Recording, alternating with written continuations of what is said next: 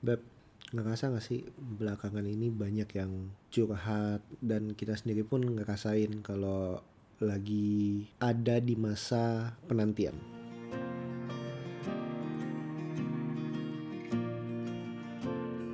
Welcome to Mars Venus Podcast. This is who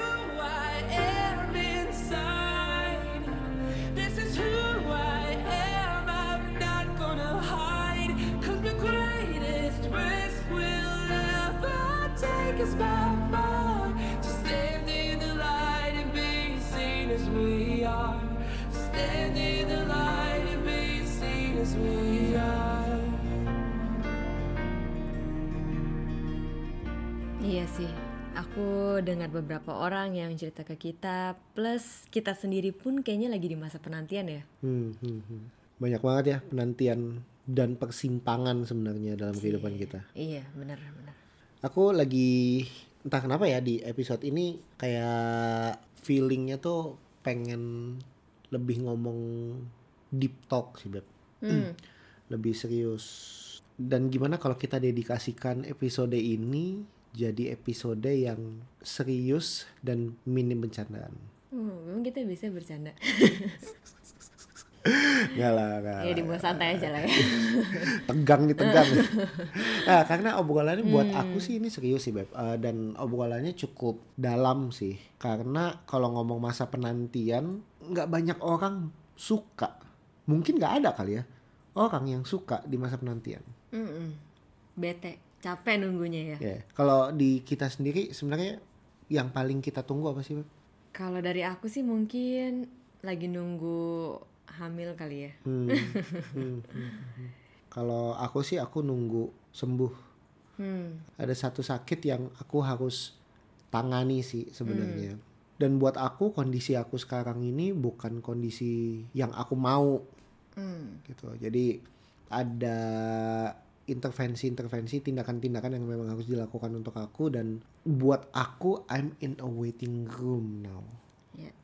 Ada di masa penantian, ada di masa harap-harap cemas kalau menurut Harap cemas.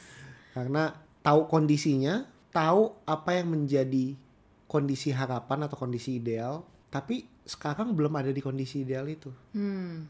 Masih menunggu dan banyak ketakutan, banyak kekhawatiran, banyak kebingungan yang sekarang ini aku rasain sih di waiting room ini. Hmm. Kamu gimana, Beb? Apa yang kamu rasain?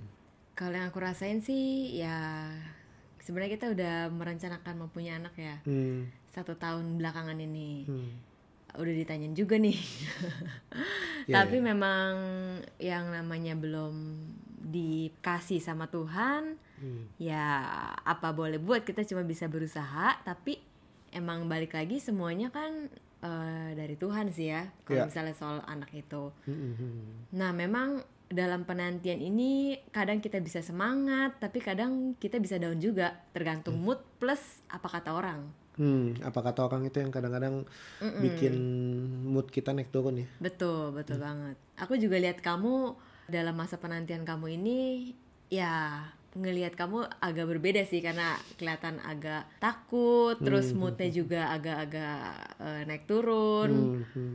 terus bingung apakah semua ini akan berjalan dengan baik-baik saja cukup apa enggak semua biayanya segala macam Ya. ya itu sih yang aku rasain dari kita terutama kalau kayak gitu Karena ada di ruang penantian itu segala sesuatu blur. Hmm, hmm, hmm. Kalau dipikir-pikir, terkadang dalam hidup kita banyak banget kita harus ada di tengah-tengah persimpangan yang membuat kita harus berhenti di ruang perberhentian. Hmm, In the waiting room, kita harus berhenti di sana, kita harus nunggu. Ya waiting room. Entah itu nunggu kebijakan dari orang lain, entah itu menunggu kapan punya pacar misalnya, Iya. entah itu menunggu apakah dia mau sama gua atau enggak, Hmm, entah itu menunggu kapan naik gaji, Iya. kapan dipromosi, hmm, menunggu uh, diterima atau enggak di pekerjaan ini, sama dia gua udah nembak diterima atau enggak, hmm, pernikahan ini bisa dipertahankan atau enggak? Hmm, terlalu banyak persimpangan dalam kehidupan kita yang memaksa kita untuk ada di ruang perberhentian dan kita harus nyaman dengan itu. Hmm. karena kalau kita nggak nyaman ada di waiting room ya hidup kita akan penuh kegelisahan, kekhawatiran, ketakutan karena kita nggak bisa berdamai dengan kondisi ya hidup kita banyak persimpangan, hidup kita banyak ada di ruang tunggu. Hmm, benar-benar benar. Setuju sih. Eh, memang kadang kalau kita nggak bisa terima sama keadaan kita yang memang lagi ada di waiting room, kita bisa panik dan kayak kok gue nggak bisa ngelakuin apa-apa ya. Tapi memang yang namanya orang di waiting room memang nggak banyak yang bisa dilakuin sih. Hmm. Kayak misalnya kita lagi nunggu di rumah sakit atau lagi nunggu di eh, tempat-tempat umum lainnya yang ada ruang tunggunya, yang bisa kita lakukan adalah duduk dan mungkin ya tunggu aja sampai dipanggil Ya, ya. kadang-kadang yang terjadi kebalikannya ketika kita lagi ada di ruang tunggu atau waiting room kita pengen banyak melakukan sesuatu tapi ketika kita udah nggak di waiting room kita malah males-malesan Hmm. itu sih yang terjadi Ya. Make sense sih, Beb. Buat aku mengenal kondisi kita sekarang dalam masa penantian itu penting sih. Terutama, terutama benar kata kamu, accept the situation. hmm Karena kalau kita nggak bisa menerima kondisi kita sekarang, yang terjadilah denial. Yang terjadi adalah kita uh, berusaha memungkiri apa yang atau ke kekurangan-kekurangan, kelemahan-kelemahan kita yang terjadi sekarang. Gitu. Contoh, kalau aku deh, kalau aku nggak nggak bisa menerima kondisi aku yang sebenarnya lagi nggak fit ini, mungkin aku akan selalu menyalahi keadaan sih. Kalau kamu selalu berpikir bahwa kapan ya, kapan ya, kapan ya, ini udah ditanya ini akan tidak bisa menikmati hmm masa kita yang sekarang. Hmm, Padahal masa tunggu bukan berarti yang kita lakukan cuma nunggu. Mm-mm. Tapi ada hal yang lain yang kita juga perlu nikmati. Betul. Selain menunggu itu sendiri menunggu adalah satu aktivitas yang harus kita lakukan. Tapi dalam menunggu ada begitu banyak aktivitas yang juga sebenarnya bisa kita Yap. lakukan. Kalau kita hanya terlalu fokus pada masa menunggunya ruang tunggunya yang kita lihat adalah sebuah ruangan kecil yang kita nggak bisa ngelakuin apa-apa. Hmm, padahal sebenarnya itu cuma sekedar aktivitas yang mau nggak mau harus kita lewatin lewatin dan berdamai sama ruangan itu, ruang tunggu. Ya I don't know uh, buat teman-teman semua yang ngedengerin ini, lu ada di ruang tunggu bagian mana? iya Apa yang sedang dinanti-nantikan dinantikan? Apa yang belum ideal sekarang? Hmm. Apa yang diharapkan? Uh, dan bisa jadi apa yang diharapkan uh, hal-hal yang begitu menyenangkan ada ada juga yang diharapkan ada hal-hal yang melegakan. Iya. Melegakan artinya ada sekarang hal-hal yang negatif terjadi semoga ada intervensi yang benar sehingga yang negatif ini seenggaknya bisa jadi netral itu kan melegakan iya tapi kalau misalnya dari yang netral bisa menjadi positif itu kan hal-hal yang uh, menyenangkan Hmm. Uh, buat aku ya ruang tunggu berbicara tentang itu dan Hmm. kita nggak pernah tebak hasil dari ruang tunggu ini apa Hmm. good things kalau itu akhirnya melegakan atau menyenangkan. What if kalau at the end kita uh, mengerti bahwa uh, di akhir ruang tunggu ini adalah hal-hal yang menyedihkan misalnya. Hmm. Hal-hal yang tidak mengenakan seberapa kita bisa berdamai sih sama kondisi-kondisi itu. Hmm. salah satu yang bisa kita lakukan di ruang tunggu adalah ya kamu bilang tadi menikmati Hmm. setiap proses dan waktu yang ada karena memang nggak akan selamanya kita ada di ruang tunggu kan Ya. ada saatnya kita dipanggil keluar dari ruang tunggu dan nikmatin hasilnya entah itu hasilnya baik atau buruk ya Ya, ya, ya. cuman yang bisa kita lakukan di ruang tunggu adalah ya ya udah nikmatin aja karena masa-masa ruang tunggu yang sekarang belum tentu keulang lagi Hmm. kayak contohnya eh, dalam kehidupan aku aja deh ya kayak soal mau punya anak Hmm. Ya buat aku sih, aku sih sangat menikmati masa-masa berdua sama kamu. Hmm. Dan sejujurnya aku masih belum terlalu ngebet banget mau punya anak. Itu pun aku mau punya anak karena di mata orang-orang di umur pernikahan ini harusnya udah mulai hamil atau punya anak. Jadi aku mengikuti standar-standar yang ada dari orang-orang. Ya. Nah itu yang ngebuat aku eh, nggak nyaman ada di waiting room. Hmm. Padahal kalau aku nanya ke diri sendiri sebenarnya gue nyaman gak sih di waiting room ini nyaman karena buat aku eh, tanpa anak atau dengan anak aku tetap bahagia gitu. Ya. Ya. Dan kalau kita bisa me- menikmati keadaan kita di waiting room ini sebenarnya ada hal-hal yang bisa kita pahami kenapa hal-hal yang kita ingini belum terjadi gitu. Hmm. Kayak contohnya eh, yang mungkin yang pernah aku share di story bahwa di awal tahun ini aku eh, ada talk show kan. Hmm. Talk show itu kalau kita udah hamil itu nanti mungkin bisa nurun ke anaknya dan mungkin anaknya tidak sempurna gitu. Nah, itu harus dihilangin dulu pakai obat-obatan. Nah, maksud aku oh ternyata kenapa gue ada di waiting room ya salah satunya karena ini karena nggak baik untuk ya anak itu diberikan sekarang karena kondisi tubuh aku belum siap. Ya. selanjutnya juga ada tiba-tiba dapat kabar bahwa kamu harus yang tadi kamu bilang treatment itu. Eh, di situ aku juga paham oh ternyata kenapa gue masih ada di ruang tunggu? Ya karena ada hal-hal yang memang harus diselesaikan dulu di sini. Hmm. kalau misalnya aku langsung keluar dari waiting room dengan keadaan seperti ini mungkin aku nggak kuat Ya. ngadepin semua ini. Karena kayak- kayaknya semua terlalu datang bebarengan aja gitu Hmm, A B C bebarengan jadi nggak beruntun jadi aku bersyukur sih kenapa aku di waiting room ini ini adalah saat-saat di mana aku napas lega sedikit loh malah Hmm. jadi meskipun aku belum dapat sesuatu yang eh, aku pengenin seenggaknya aku bisa nafas lega karena kalau aku dapetin sesuatu itu mungkin aku sekarang empot-empotan gitu loh Ya ya ya. ya. Eh, gitu sih kalau buat aku Paham paham paham. Dan ya berarti waiting room nggak selamanya menyedihkan Mm-mm. sampai kita tahu kebenaran di belakangnya. Ya. Sampai kita tahu the why universe semesta itu membuat kita memang harus ada di dalam persimpangan itu, dalam ruang tunggu itu. Hmm. Dan buat aku penting sih untuk bisa memahami sebelum ngejudge. Hmm. memahami uh, kenapa universe kasih kita berada di ruang tunggu itu Ya. sebelum ngejudge kenapa sih gua harus ada di kondisi yang sekarang. Iya. Karena aku benci banget sih begitu banyak orang yang aku beberapa kali lihat itu punya victim mentality. Kayak gimana tuh? Uh, selalu merasa dirinya korban.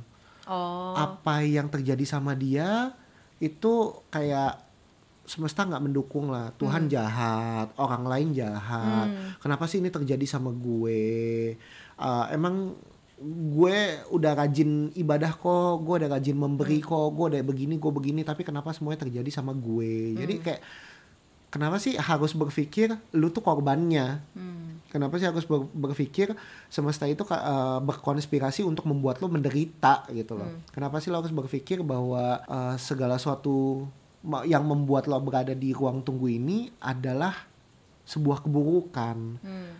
Ya yang jangan sampai sih ada di kita dan eh, I hope teman-teman yang ngedengerin juga nggak nggak punya mental victim ini sih mental Betul, korban betul, ini betul. sih. Karena kalau kita nggak bisa menikmati masa-masa di ruang tunggu, eh, nggak ada jaminan sih kalau ketika kita keluar dari ruang tunggu kita bisa menikmati Menikmati apa yang di luar ruang tunggu itu. Yes, yes, yes, yes. Ya buat aku yang pertama uh, dalam masa persimpangan kehidupan kita, dalam masa ruang tunggu kehidupan kita, yang pertama sih accept the situation sih. Ya betul. Belajar untuk ngeliat dari seluruh sudut pandang, nggak cuma dari satu sudut pandang yang Hmm. men- mungkin menurut kita itu nggak baik gitu. Iya. Kalau kita cuma berfokus pada dari sudut pandang itu, ya akan selamanya kita akan menyumpahi, menyumpah serapahi situasi-situasi yang datang ke Hmm. hidup kita sih. Kenapa gue belum nikah nikah? Ya. Kenapa gue belum gue belum punya anak? Kenapa nggak ada yang mau sama gue? Kenapa? Hmm. Kenapa gua- putus terus? Kenapa putus terus betul? Kenapa gue akhirnya dapat pacar yang gue idam-idamkan, tapi kenapa dia jahat sama gue? Kenapa sih begini? Kenapa sih begitu? Hmm. Kenapa dapat cowok brengsek terus? Mm-mm. Kenapa masih ada di situasi yang gagal-gagal terus dalam bisnis segala macam ya, nggak cuma Iya. dalam relationship sih. ya udah mau menikah tapi ternyata ditipu orang Ah, akhirnya nggak jadi Hmm. Iya. nikah eh bukan nggak jadi nikah akhirnya ditunda misalnya waktu nikahnya dan lain sebagainya Iya. we are in the waiting room uh, in different situation Ya. cuma yang perlu kita pahami dan perlu kita sadari adalah bagaimana kemampuan kita menerima itu dulu deh menerima situasi tersebut sebagai satu kesatuan dalam kehidupan kita Ya. ups and downnya ya nggak bisa dibilang kita perlu nikmati situasi itu karena emang nggak nikmat kadang-kadang Hmm. di ada di ruang tunggu itu kadang-kadang stres ya aku pun dalam kondisi aku yang Iya. sekarang pun aku uh, tertekan gitu loh khawatir khawatir cuma I accept the situation as a part of me Ya. Selain accept, menurut aku yang kedua adalah selalu percaya bahwa uh, selalu ada harapan aja sih. hmm Dan nggak selamanya kita ada di sini. Jadi Ya. pasti pasti sepasti matahari terbit, sepasti itu juga kita akan keluar dari waiting room ini. Entah itu di waktu yang kapan ya, karena memang masa penantian orang itu beda-beda. Kita nggak bisa ngelihat kok orang ini cepet banget ya di waiting roomnya dia cepet keluar dari sini kok gue lama banget bertahun-tahun. ya. Ya, kita nggak bisa compare itu sih. Hmm, hmm. yang bisa kita lakukan ya selalu percaya bahwa ada harapan. Ya. Selalu ada harapan. Comparison kills menurut aku. Uh, perbandingan itu yang membunuh kita. Akhirnya yang membuat kita nggak pernah puas sama kehidupan kita adalah ketika kita membandingkan sama orang lain. Ketika kita ngeset timeline kita harus sesuai dengan timeline orang lain. Atau Yep. lebih parahnya lagi adalah ngeset timeline kita sesuai dengan pengennya kita. Padahal belum tentu eh, ya kalau kita ngomong pengennya kita anak-anak pengen atau anak SMP deh yang baru labil labil-labil itu mereka mau punya mobil saat itu juga. Tapi kalau mereka mau menerima segala sesuatu sesuai dengan timelinenya mereka ya mereka akan mungkin akan kecelakaan mungkin akan eh, ditangkap polisi bad things happen to them lah Iya. artinya nggak bisa segala sesuatu tuh timelinenya tuh harus sesuai dengan timeline kita. Itulah kenapa yang Maha Kuasa menciptakan hati nurani buat kita dan salah satunya adalah me- membuat kita untuk selalu punya harapan sih, Hmm. gitu.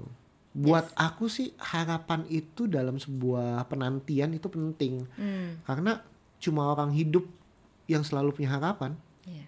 harapan tuh semangat ya Iya Bahan yang bakar. betul, yang bikin kita bisa ngelihat ke depan dan mau tetap ngelangkah ke depan buat aku itu cuma harapan sih. Hmm. nggak penting seberapa lama pun kita udah ada di waiting room itu ya Mm-mm.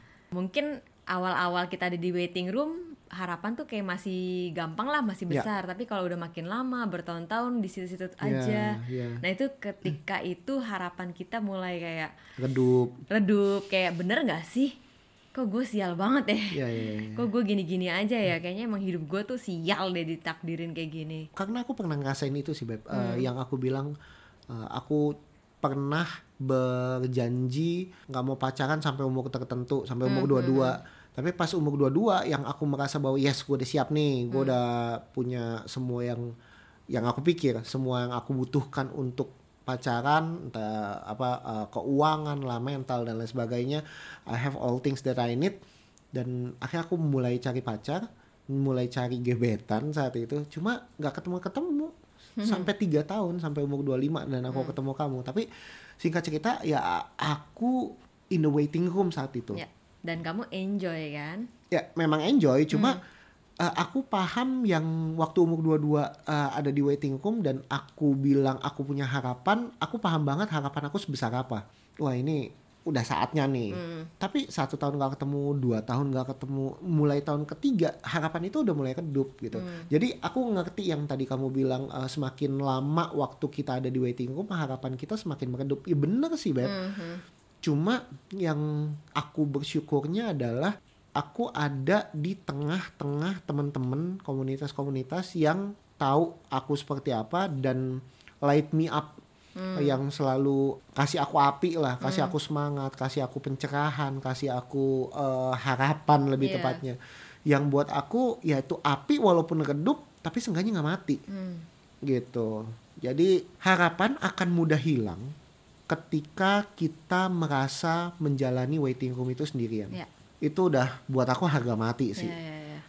Udah eh, ada di waiting room, Ya. merasa sendirian, tinggal tunggu waktu, api harapan itu pasti akan hilang. Makanya orang nggak kuat ada di waiting room lama-lama ketika sendirian. ya Anyway, karena kita nggak pernah tahu nih waktu kita di waiting room berapa lama, Hmm, ya buat aku sih jangan pernah sendirian. iya benar Beda merasa sendirian sama sendirian ya. Hmm, Merasa sendirian adalah lo punya begitu banyak temen tapi lo tetap merasa sendirian ya. Berarti salahnya lu gitu. Hmm, Eh, tidak berani terbuka dengan orang lain. Tapi kalau sendirian ya harus cari orang yang bisa dipercaya dan harus mulai membuka diri untuk menceritakan apa yang terjadi sama dirinya. Iya, kita nggak bisa sendirian sih memang.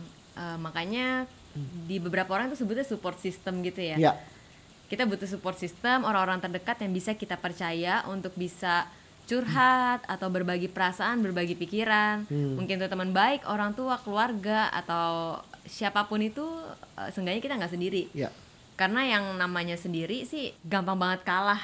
ya, setuju. Hmm.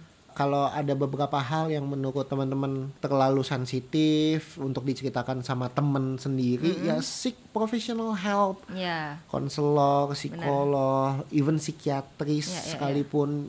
Yang penting jangan pernah merasa sendirian. Jangan pernah sendirian Ya. lebih tepatnya.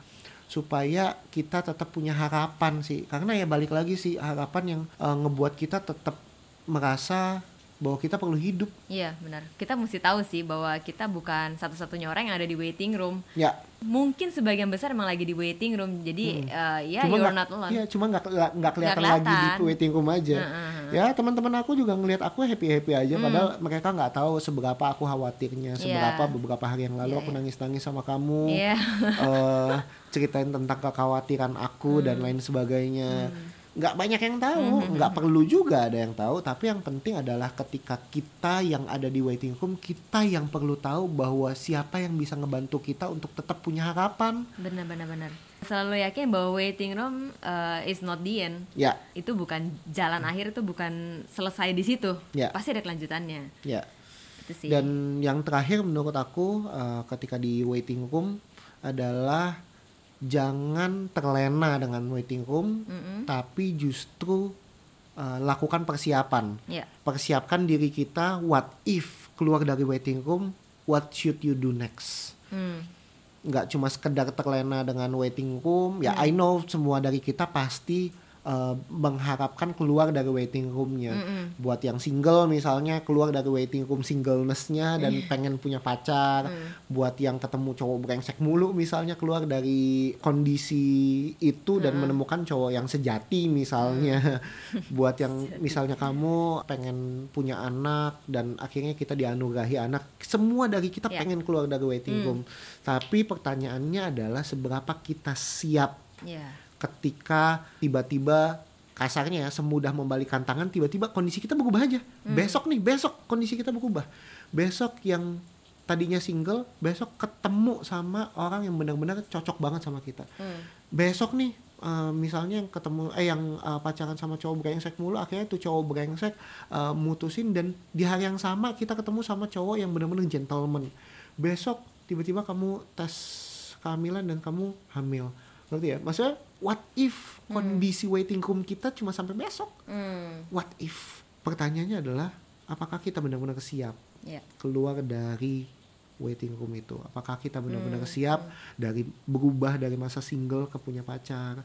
Berubah dari eh, yang tadinya nurut sekarang harus bantu untuk nge-lead the way Eh, yang tadinya hidup kita cuma berdua tiba-tiba punya anak Hmm. Eh, Tambah kalau- tanggung jawab. Betul, tambah tanggung jawab. Kalau yang tadinya minta waiting room dipromosi, tiba-tiba dipromot dan harus uh, Sibuk, pulang lebih uh-uh. malam karena tanggung jawabnya lebih Iya. besar. Are you really ready Ya. for the situation after Ya. waiting room? Jadi Hmm. buat aku pribadi, while in the waiting room, be prepared. Ketika kita berhasil keluar dari waiting room, at least kita prepare dengan semua situasi dan semua Hmm. kondisi di luar ruang tunggu itu Ya.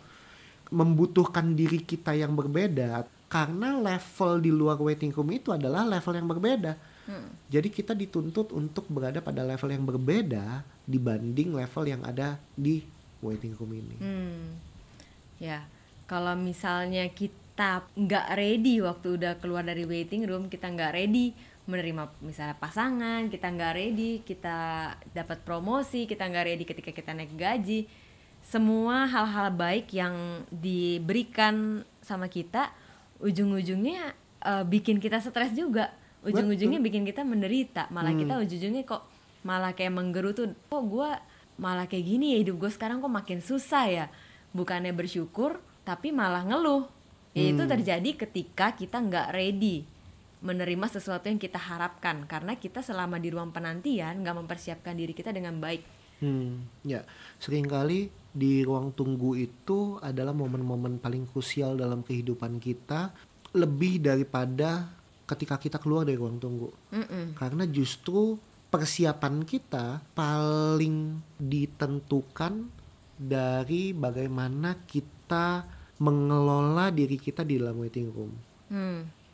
Justru di waiting room itu kita belajar mengelola sampai akhirnya kita keluar. Dan menurut aku momen keluar adalah momen bonus, momen di mana harusnya kita menikmati. Hmm. Tapi momen mempersiapkan itu ada di waiting room. Jadi sebenarnya ya selama ada di waiting room itu masa-masa yang paling tepat untuk mempersiapkan diri. Ya, Berarti tadi kita udah bahas ya tentang kalau di waiting room itu kita harus bisa menerima keadaan itu. Pertama accept dulu sama segala keadaan itu, jangan ngeluh, nggak usah banding-bandingin sama orang. Yang kedua kita harus selalu punya harapan bahwa ini bukan akhir, ini adalah hanya sebagian proses dari kehidupan Betul. kita dan kita nggak sendiri ngejalanin ini. Kita harus punya support system untuk bisa bikin kita kuat dan selalu punya harapan di waiting room itu.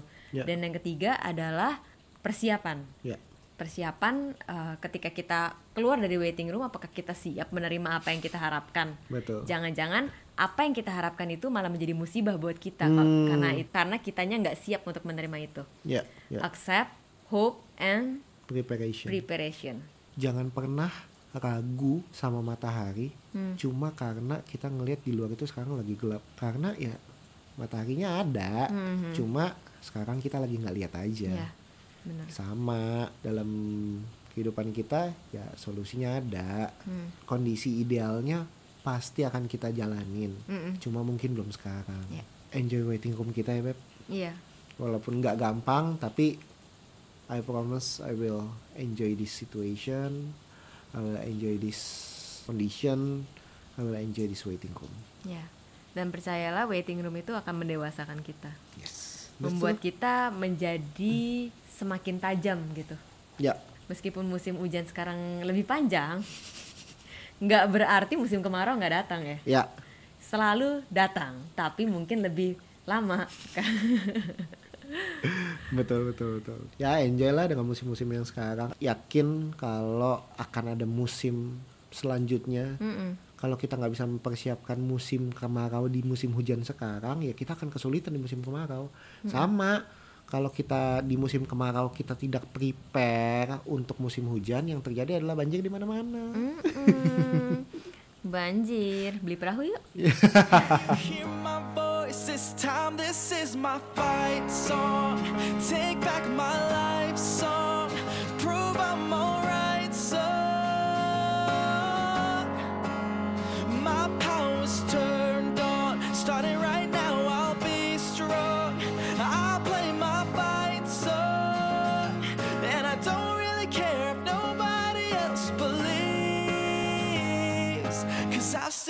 got a lot of fire left in me.